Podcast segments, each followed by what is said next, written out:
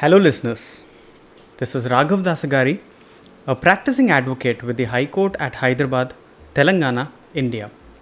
I welcome you all to the show on overseas laws only on Radio Nyra, Raleigh, Durham. Broadcast on three frequencies 99.9 FM HD4, 101.9 FM, and 1490 AM. On the request received from one of our listeners, today I'm here to speak with you on a trending topic in India, which is the ever rising fuel prices in India. Today, let us try to look at this phenomena from a wider perspective. It is very easy to blame the government of the day. It may appear that why can't the government just slash the f- taxes when the international crude prices have come down? Well, the answer is not so simple. The Indian Finance Minister, Mrs. Nirmala Sitharaman, was recently asked in a televised interview when is the central government going to reduce taxes on fuel. She took a pause and she said that it is in fact it is uh, the dharma sankat or a dilemma for which she has no immediate answer. However, she states that the taxes are levied on fuel by both the central and the state. She thinks that both stakeholders, that is, the state and the central government, must meet and resolve this larger issue. Let us try to understand where the solution lies. Well, I'm not an economist to give you an expert advice on this issue, but having a keen legal mind coupled with a neutral perspective on the issue, I will try to present to you the different sides of this issue. We all know petrol prices have reached the moon and they are unfortunately still racing on.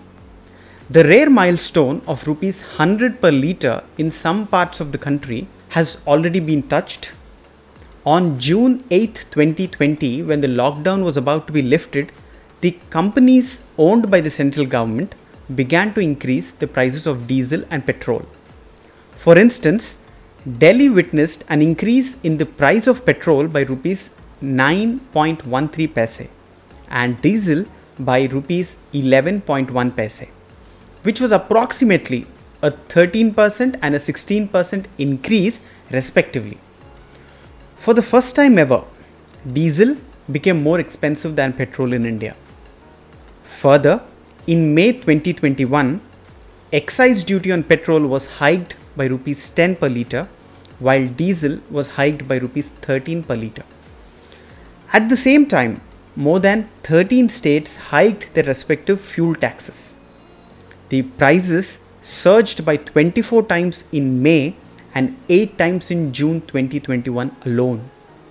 The price of petrol charged to the dealers and delivered at the petrol pumps was at rupees approximately 39.30 per litre. However, consumers had to pay over rupees 100 per litre.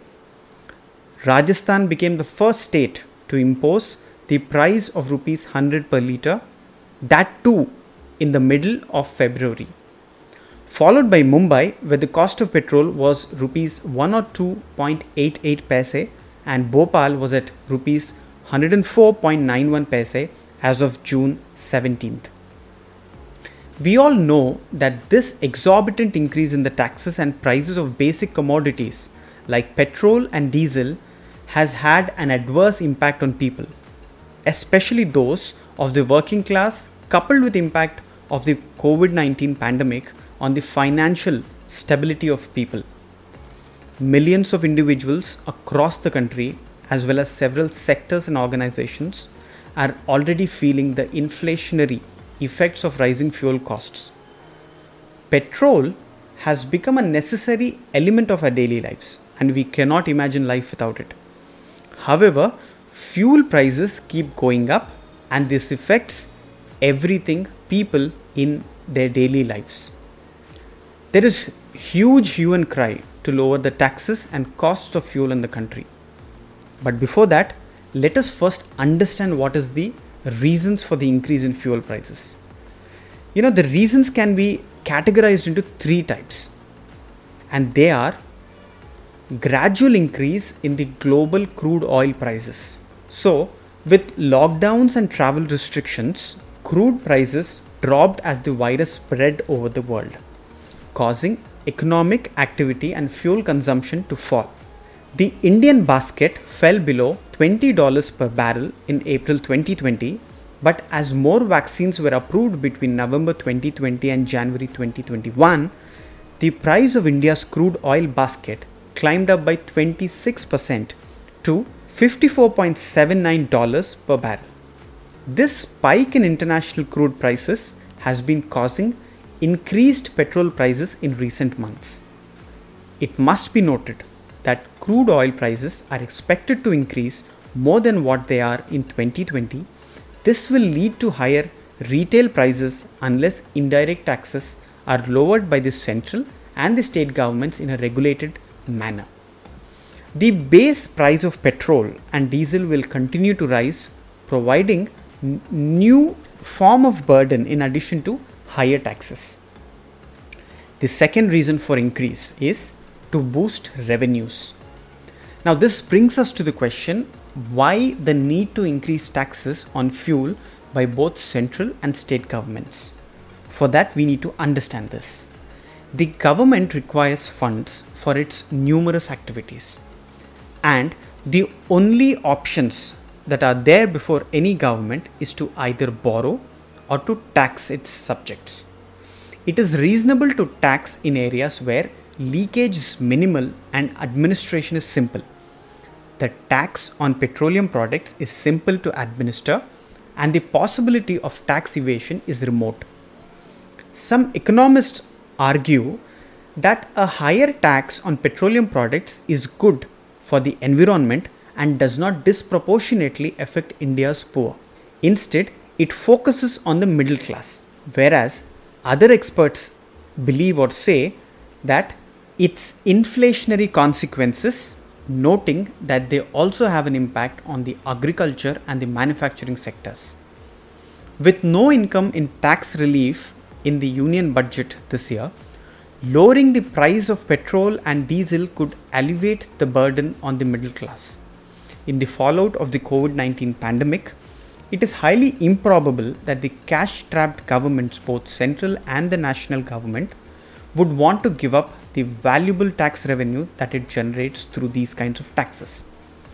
Higher excise duty on fuel would increase the tax rates, ultimately generating greater revenues for the government. When most indirect taxes are absorbed into the goods and services tax, which is also called the GST, in 2017, collections from taxes on petroleum goods, particularly petrol and diesel, now account for the majority of the union excise duties. The rationale for a high increase in union excise duty revenues in 2021-2022 financial year is not due to the surge in their usage but rather an increase in tax rates. As oil prices dropped, the government decided to maintain retail fuel prices fairly constant while increasing excise rates, boosting revenue receipts. It was observed that increased levies on fuel helped generate revenues for the government's welfare expenditure. That being said, it, its impact on the economy cannot be ignored.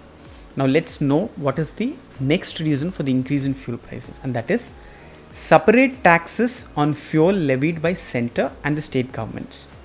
While international crude oil prices significantly influence the cost of fuel in India, it is not only the factor driving up petrol and diesel costs. Taxes levied by the national and the state governments are the primary cause for this increase. The central and state governments impose separate taxes on petrol and diesel.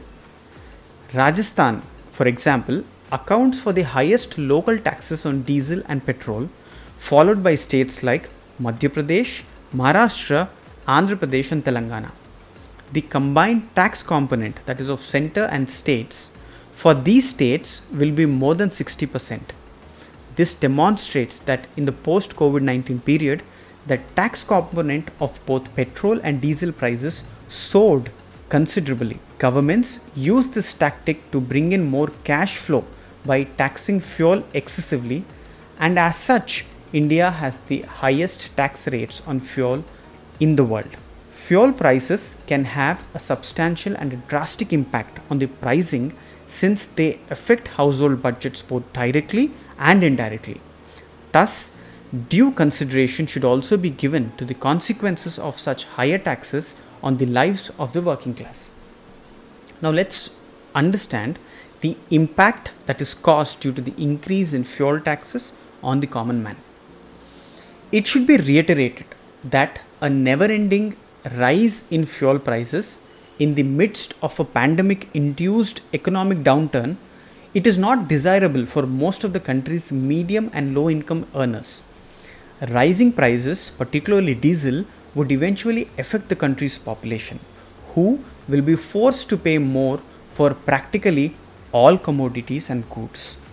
An increase in the fuel taxes and prices affects every major sector like transportation, automobile, textile, transportation, FMCG, hence, from corporate offices to mandis, all kinds of sectors are facing the heat. This hike is bound to cause inflation in the market. Oil marketing companies now set the price of end products based on their own production costs plus a reasonable profit margin. Previously, under the administered price mechanism, the companies were losing money and had to be bailed out with the taxpayers' funds. As a result, oil marketing companies cannot be expected to consider the interest of the end users and absorb the increased import price of raw crude. It will increase the price of food, the cost of transporting vegetables from the farm to the market will rise. This could be reflected in the prices of essential commodities. The poor and marginal sectors of the society will suffer the most since they already spend most of their income on food than on fuel. Increased price of fuel has direct impact on transportation costs which will further affect the price of goods. Fuel prices are rising across the country and even if oil prices fall, transportation costs may not decrease. Transportation costs are factored into all costs because practically every commodity is transported by road at some point. It goes without saying that only the low wages and fixed salaried middle class working families will be hit by the adversity of the price hike instead of those who are at a, at a higher earning level. The cost of living will drastically increase. The impact of rising fuel prices is not restricted to vehicle owners alone. People who do not own a vehicle or who work in a business that requires the use of petrol and diesel are also affected. It has been estimated that the cost of fuel has increased by more than rupees 6 in just a week. This amounts for a total of 10% rise in diesel and fuel prices. Let me give you an example. A person having a two wheeler and using 15 to 20 liters of fuel every month will now have to spend somewhere between rupees 130 to 180 on the transportation costs, keeping in mind that higher consumption will only cause him additional burden. Therefore, we see that the family budgets will be cut short. We are taking a quick break and we'll be back after these messages. After the break, I will tell you what are the measures that are being taken by the government in India and what could be a long term solution to these problems. So please stay tuned with us.